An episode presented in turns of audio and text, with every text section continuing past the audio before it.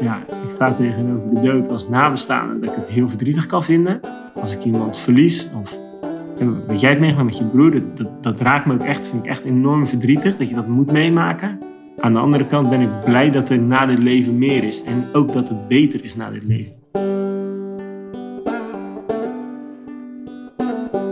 Welkom bij de podcast Ik vind dood normaal. In deze reeks ga ik in gesprek met gelovigen en niet-gelovigen. Ze vertellen hun verhaal over hoe ze in aanmerking zijn gekomen met hun geloof. Wat het hen brengt, hoe het geloof naar de dood kijkt, maar ook hoe zij naar de dood kijken. Ik wens jullie heel veel luisterplezier met deze reeks.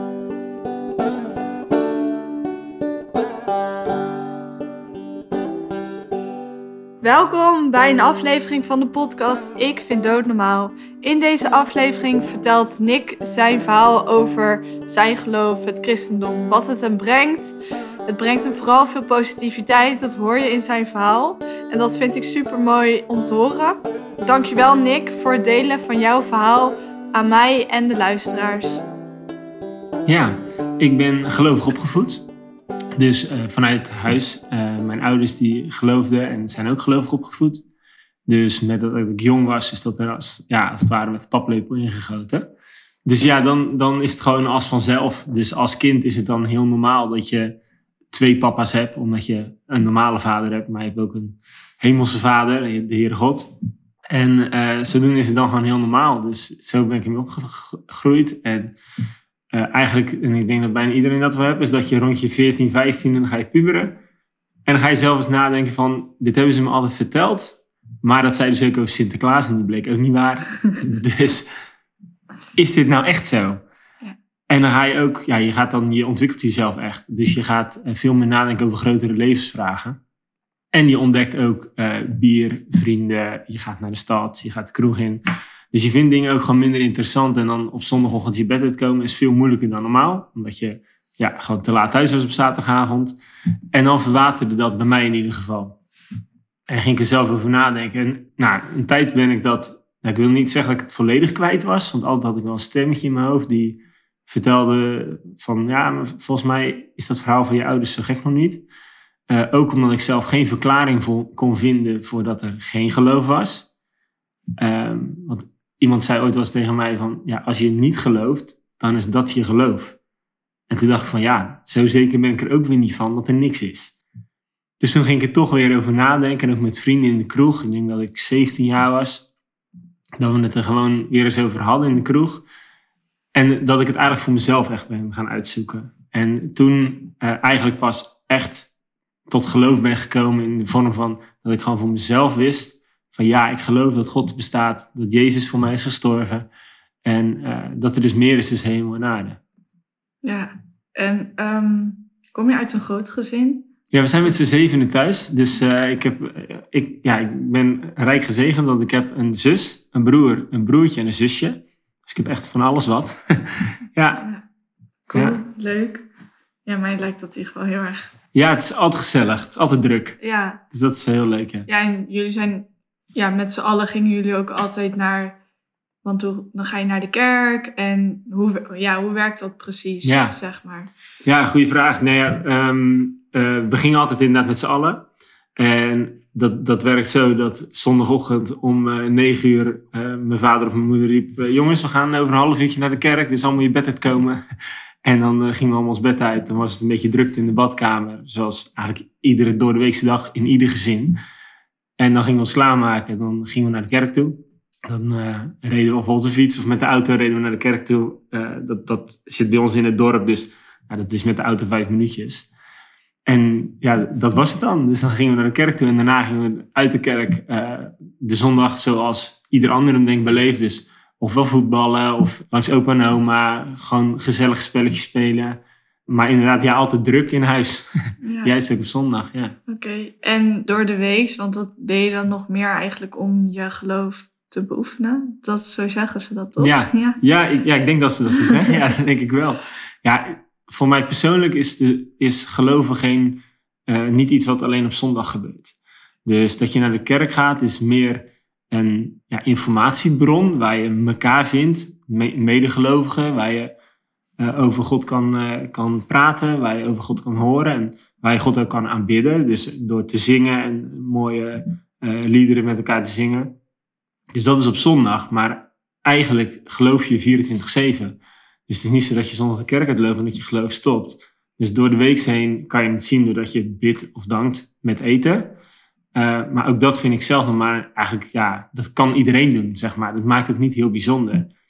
Ik denk wat het bijzonder maakt is dat je je gewoon in alles gewoon veilig weet of, of ja, dat je gewoon echt als een vast fundament weet van God, die is er, die wil voor me zorgen. En wat er ook gebeurt, hij is bij me. En dat je vanuit, ja, vanuit die, dat gegeven ook mag leven zoals God het wil. En dat betekent vooral heel veel naaste liefde. Dus heb je naaste liefde als jezelf. Nou, dat, die uitspraak kent iedereen, die komt uit de Bijbel en die is door Jezus is, is die uitspraak gedaan. Um, ja, en ik denk dat, dat je dat door de week vooral, hoop ik in ieder geval, bij, bij mensen die geloven ziet, dat ze een stukje Jezus mee willen nemen in hun dagelijks leven. En ja, hoe doe je dat? Kan je me daar een beetje in... Ik bedoel, ja, ik was...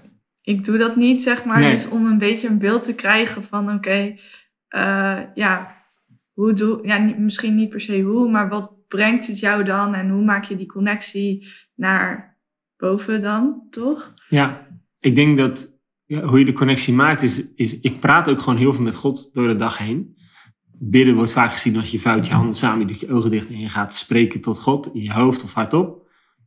Maar het gebeurt ook regelmatig dat ik iets zie of bijvoorbeeld als ik een ambulance zie rijden op de weg, gebeurt het gewoon heel vaak dat ik dan gewoon heel even zeg tegen God, wilt u alsjeblieft zijn bij die ambulancebroeders die nu ergens naartoe zijn onderweg, wilt u zijn bij de mensen waar, waar hij naartoe gaat of waar hij vandaan komt.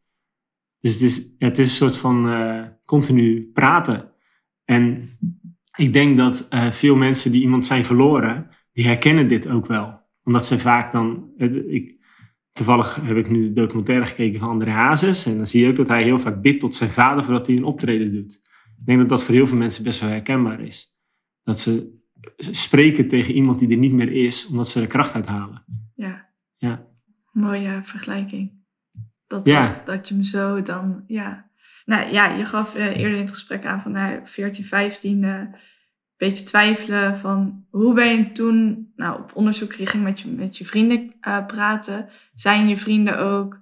Nee, mijn eerste vraag is nog, ik ben benieuwd naar wat voor basisschool, middelbare school, of dat, want op een gegeven moment op je mbo of hbo kan je ook kiezen naar of je naar zo'n school gaat, toch? Of dat je gewoon naar een openbare school gaat. Ja, precies. Ja, dus de, de basisschool waar ik naartoe ging, dat was een christelijke basisschool.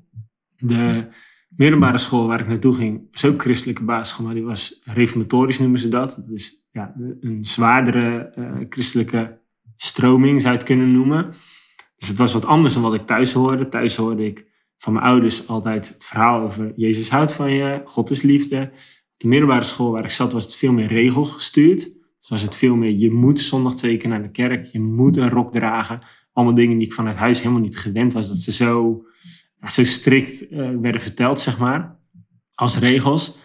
Dus misschien dat dat ook niet helemaal bijdroeg, omdat ik dacht van, ja, lekker dan, dan moet ik opeens allemaal dingen gaan doen of zo. Maar ergens, omdat je ouders het hebben gezegd dat het anders zit, ga je daar gewoon vanuit als de waarheid. Maar naar die school ben ik toen gegaan en de hogeschool, dus dat ik van de middelbare school afkwam, dat was gewoon de Hogeschool Rotterdam. Dus dat is gewoon een openbare school. En dat vond ik eigenlijk ook wel tof, omdat ik eigenlijk op de hogeschool, op de openbare school, veel meer gesprekken heb gehad over het geloof dan al die jaren daarvoor op de christelijke scholen. Omdat je dan, je komt toch in aanmerking met uh, mensen die jou ofwel misschien een beetje vreemd vinden, of gewoon dingen niet begrijpen en er vragen over hebben, of super interessant. Ja. En dan heb je daar veel vaker gesprekken over. Dus dat, dat is wel, uh, ja, dat is juist een hele leuke, waardevolle tijd geweest. En dat heeft je dan ook meer tot denken gezet. Ja. ja. hoe ben je dan op onderzoek uitgegaan om dan erachter te komen dat het ook wel vanuit, ja, vanuit jou zelf komt? Ja, um, ik ben zelf ben ik dat onderzoek gaan doen door jongerenavonden te bezoeken. Je hebt specifieke christelijke jongerenavonden. Waar jongeren komen die vragen hebben en die in die ontwikkeling zitten. En zo heb ik het zelf heb ik dat, uh, gedaan en vond ik daar antwoorden. En ontmoette ik daar ook Jezus. Als, hè, dus had ik daar, voelde ik daar ook echt de connectie van hij bestaat en uh, hij is er. En omdat ik dat zo ontzettend gaaf heb gevonden, ben ik eigenlijk direct nadat ik tot geloof kwam, uh, ben ik dat zelf ook gaan doen. Dus inmiddels nu tien jaar op rij doen we in Krimpen hetzelfde. En ze noemen dat de Alpha Youth. En dat is een groep op maandagavond waar jongeren aan toe komen die vragen hebben. Die ofwel gelovig zijn geweest of nog een klein beetje of nog nooit van God hebben gehoord. En die hun vragen stellen. Wie is Jezus? Waarom moest Jezus sterven? Maar ook vragen waar deze podcast over gaat. Ik ben iemand verloren. Als God goed is, waarom verlies ik dan mensen die zo jong zijn? En waarom is mijn vader ziek, terwijl die altijd goed is geweest voor iedereen? Ja, vragen gewoon uit het leven gegrepen, die iedereen herkent. Ja. Ja, ik wilde vragen. Nee, daar kan natuurlijk niemand antwoord op geven. Ik wou zeggen, ik had dat in. Nou, niet in het begin dat ik zulke vragen zelf had. Van waarom overkomt je dit? Ook meer omdat ik zelf denk wat dingen gebeuren voor een reden. En ik weet dat dat heel hard is om te zeggen over bijvoorbeeld wat er dan is gebeurd. Maar je brengt er wel weer heel veel positiviteit uit. Voor mijn gevoel. Maar ja, ik ben ook over het algemeen wel positief ingesteld. Maar ik denk ook met zulke vragen, als bij jullie dan komen, je was dan vanuit jullie het antwoord, zeg maar. Snap, snap je mijn vraag? Ik snap hem heel goed, ja. En, en uh, uh, ik vind vooral altijd, en dat zeg ik ook altijd tegen iedereen die die vraag stelt, is dat het is heel, het is een hele moeilijke vraag. Niet per se om te beantwoorden vanuit het geloof, want ik, ik heb er zelf best wel een kijk op. Maar vooral omdat ik een ander niet pijn wil doen met een antwoord dat ik geef. En ik geloof uh, heel sterk dat, uh, en dat geloof ik omdat het in de Bijbel staat, dat God ons mensen niet heeft gemaakt om dood te gaan. Dus toen God de aarde maakte, toen maakte hij de aarde met Adam en Eva. Iedereen kent dat beeld uit het paradijs wel.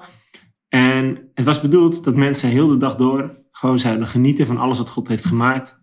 Dat ze zouden spelen met elkaar, met wilde dieren. Uh, dat ze met God wandelden daar in, in het paradijs. En de dood was geen onderdeel van Gods plan.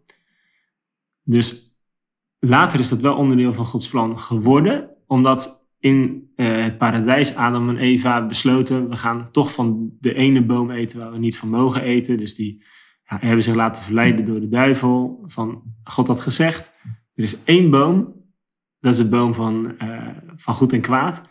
Van die boom wil ik dat je niet eet. Want als je dat doet, dan krijg je kennis van goed en kwaad. Dan ga je weten wat goed is en wat kwaad is.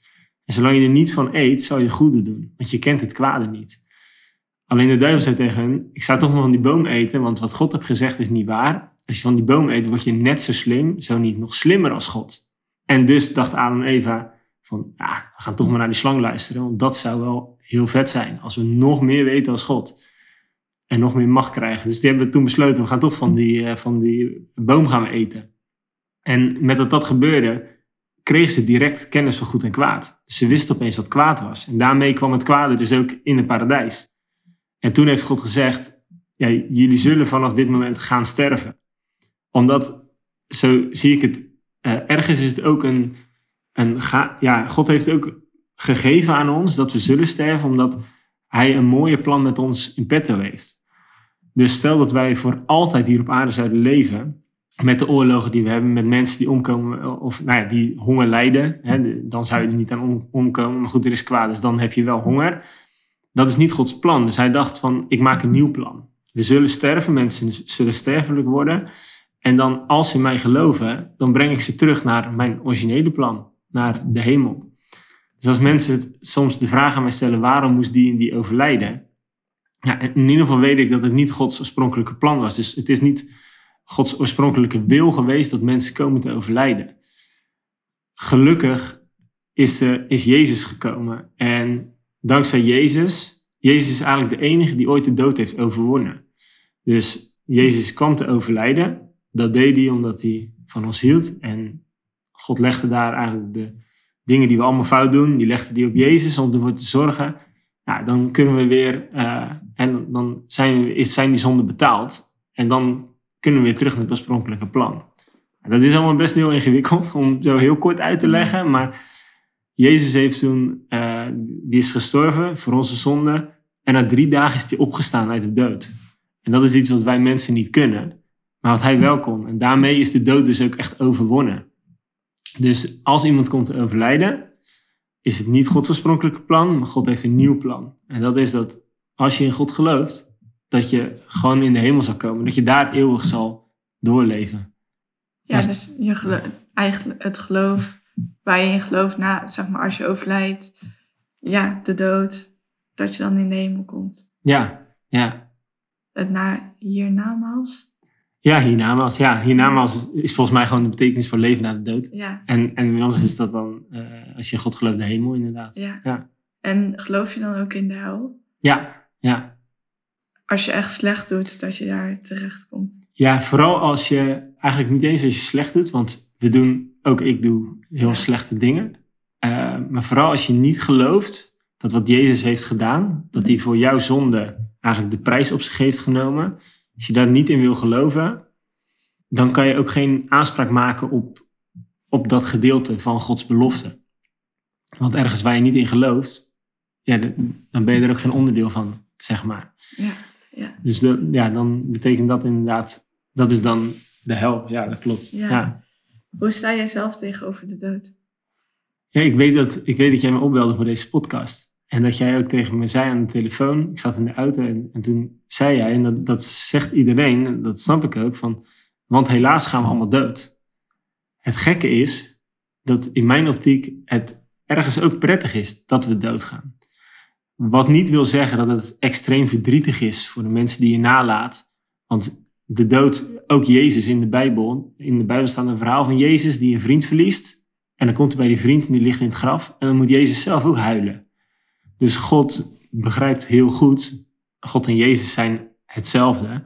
Eh, die begrijpt heel goed dat het heel verdrietig is als mensen overlijden. Dus helaas komen je naast het overlijden. Maar gelukkig is er daarna wel iets wat beter is dan hier op aarde. Dus ja, ik sta tegenover de dood als nabestaande dat ik het heel verdrietig kan vinden. Als ik iemand verlies of en wat jij hebt meegemaakt met je broer, dat, dat, dat raakt me ook echt, vind ik echt enorm verdrietig dat je dat moet meemaken. Aan de andere kant ben ik blij dat er na dit leven meer is en ook dat het beter is na dit leven. Wat voor gevoel geeft dat? Ja, heel veel, eh, heel, heel veel rust en hoop. En mijn, mijn opa die is in de coronaperiode aan corona overleden. En bijvoorbeeld op zijn sterfbed zat mijn moeder naast hem. En hij, hij zei alleen maar, ja, ik ben zo meteen in de hemel. Geweldig. Dus hij, ik weet nog dat, dat, me, eh, dat wij als kleinkinderen ook vroegen, joh, is het nog leuk om even met opa te facetimen of zo, dat hij ons nog kan zien. Maar in zijn optiek dacht hij gewoon, ja, ik zie jullie, ik zie jullie later wel weer. Weet Ja. je, dus hij had daar ook, hij dacht gewoon, hij kon alleen maar denken en, en gewoon ja, uitspreken naar mijn moeder van, "Wo- maak je niet te druk, weet je. Het is fijn dat ik kom te overlijden, want zometeen ben ik in de hemel. Ja. En dat gaf hem ook rust. Ja, heel veel rust, ja. Ja. Ja, Ja, dat is, dat is toch fijn? Dat Ja, je op klopt. een gegeven moment er oké mee bent. En je Ja. leven hebt geleefd zoals je hem graag wilde leven. En dat het oké is. Maar Ja. ook wetend, oh, daar is nog wat mooiers wat op me wacht. Ja, fijn. Ja. Ja, en ook, ook wel, eh, want veel mensen eh, willen dus uit dit leven alles halen. Hè, dus je, je, nou, zeker onze generatie van alles rond de 30, of, nou, misschien ook wel verder boven, maar dan weet ik het nog niet. maar die lijden natuurlijk, we lijden met z'n allen aan FOMO, aan, eh, weet je, als je op social media kijkt, je bent jaloers op alles en iedereen. Alles moet fantastisch. Eh, er zijn nog nooit, en ik weet niet waar het exact door komt hoor, daar heb ik de kennis niet voor, maar er zijn nog nooit zoveel jongeren geweest die lijden aan depressies. En misschien komt dat ook wel omdat we denken dat we uit dit leven alles moeten halen. Terwijl God zegt, er is hierna nog een eeuwigheid. Dus maak je ook niet te veel zorgen over wat er in dit leven, dat je, dat je nu alles eruit moet halen. Dus een mooie auto rijden of eh, een heel groot huis kopen. Dat kunnen ja, dingen zijn waar wij als mensen naar streven. En dat als ze niet lukken, dat we het dan bij een ander wel zien. En dat we denken, nou, potverdrie, hij heeft het wel. Terwijl God zegt, ja, bind je daar nou niet te veel aan vast. Maar vertrouw gewoon op mij. Weet je, ik, heb een eeuwigheidsplan met jou. Dus maak je niet al te druk over vandaag de dag. Ja. Nou, wat je net zei, van 30, we leven in zo'n maatschappij.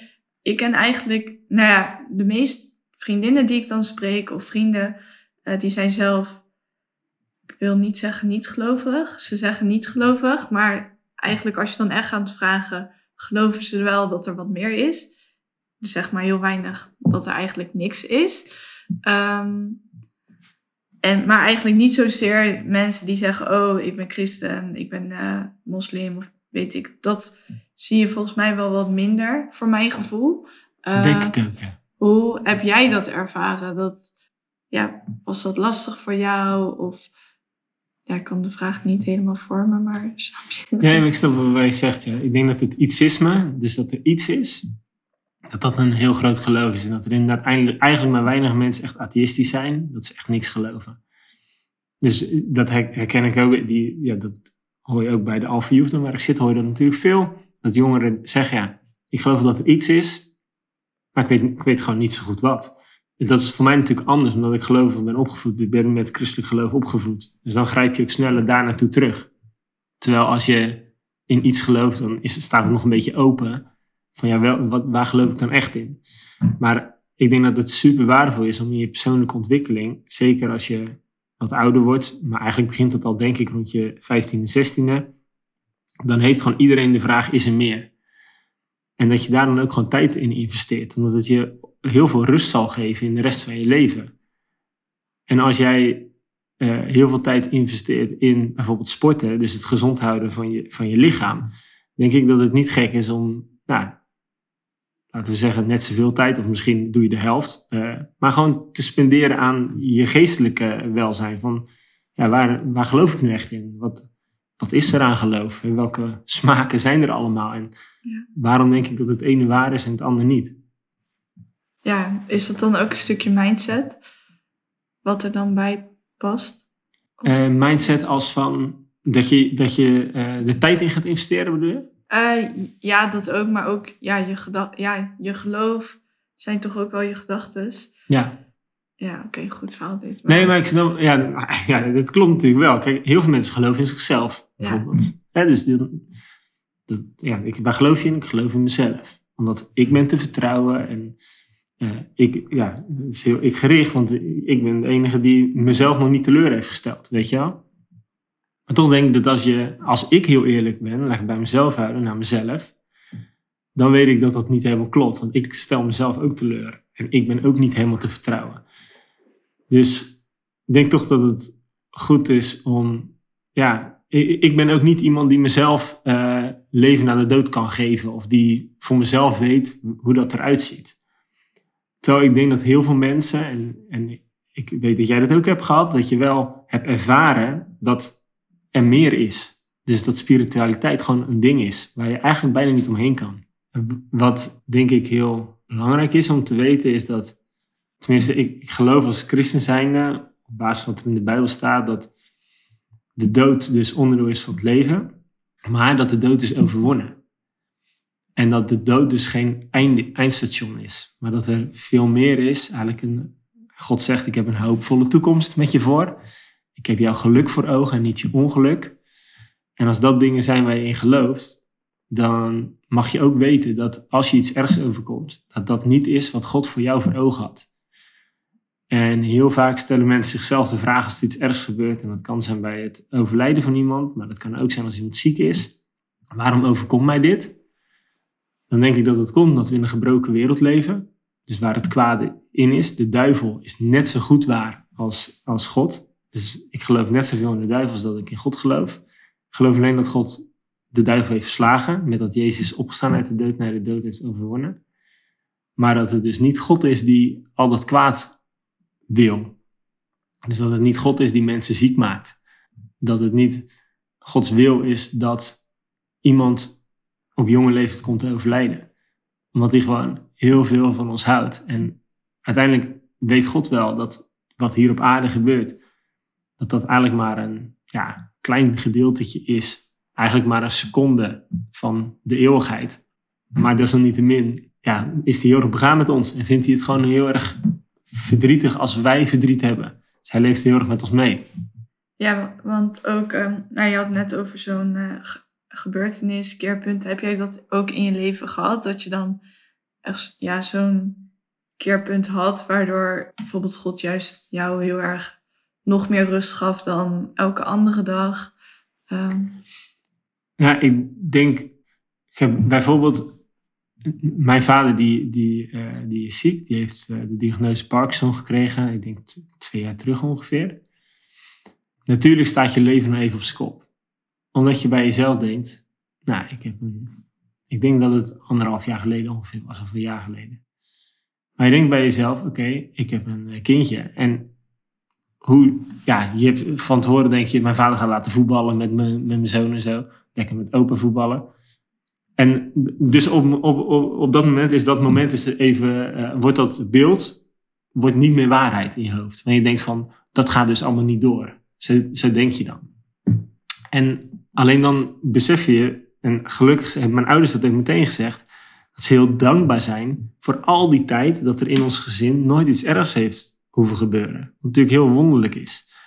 We, we, hebben, we zijn een oom verloren op jongere leeftijd en opa's en die overlijden, maar niet, ja, we hebben niet zoiets mee hoeven maken zoals jij dat mee hebt hoeven maken, of jouw ouders of, of je broertje, met het overlijden van, eh, van jouw broertje. Dus er is dan ook heel veel dankbaarheid en ook wel de rust dat misschien is het zo dat mijn zoontje niet zal voetballen hier op Arnhem met zijn opa, met mijn vader. En misschien zal die lichamelijk eh, achteruit gaan in de loop van de tijd. Al geloof ik ook echt dat God ook wonderen nog kan verrichten. Dus dat het ook zomaar kan zijn dat die Parkinson overgaat. Ondanks dat de doktoren allemaal zeggen dat kan niet. Parkinson is een, is een ziekte, dat gaat niet meer over. Nou, daar ben ik niet zeker van. Ik geloof dat God ook mensen gewoon beter kan maken. Of die doktoren zeggen, jij wordt niet meer beter. Dus misschien eh, ja, gaat die ziekte wel weer over. En ja, anders, misschien op een dag komen ze allebei in de hemel, gaan ze daar voetballen.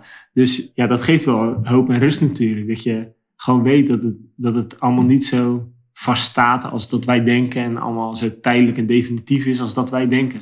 Ja, precies. Leuk dat je dat ook zegt van wonderen, dat eigenlijk alles mogelijk is. Ja, Want door die kijk van jou sta je ei- eigenlijk super positief in het leven, voor mijn gevoel. Hoe ik je dan nu zo hoor kletsen. Het geeft je rust, veel liefde voor de mensen om je heen. Ja, het bre- het brengt je best wel heel veel. ja. Toch? Brengt het je nog meer dan wa- wat ik nu opneem? Ja, nee, in de, in de Bijbel, en, en daar refereer ik steeds naar, omdat ja, dat is mijn, eh, mijn input zeg maar, vanuit Ja. het geloof, is eh, in de Bijbel gaat het, zegt God ook van, als je mij gelooft, dan zal ik deze en deze dingen aan je geven. En ze noemen dat in de Bijbel, eh, heel ingewikkeld, noemen ze dat de gave van de Heilige Geest. Dat is nu veel te ingewikkeld, maar waar het om gaat is eh, rust, zachtmoedigheid, vertrouwen, vriendelijkheid, geduld. Dus allemaal eigenschappen die eigenlijk God aan je geeft om ervoor te zorgen dat jij een stukje hemel hier op aarde brengt. Want het feit dat de hemel pas ingaat als je komt te overlijden, wil niet zeggen dat God vandaag de dag al een stukje hemel hier op aarde wil geven. Sterker nog, alles wat liefde is op aarde, dat komt van God. Dus de verliefdheid die jij voelt voor je vriend, daar geloof ik van dat die van God komt. En de liefde die je ouders voelen voor jou, of die je hebt voor mensen die je misschien niet eens een bloedband mee hebt, of en waar je niet mee getrouwd bent, maar soms dan kom je iemand tegen, of hè, eh, zie je dingen op televisie gebeuren en dan voel je gewoon liefde voor iemand. En ik geloof dat dat ook van God is. Dus dat ook jij al Gods liefde ervaart.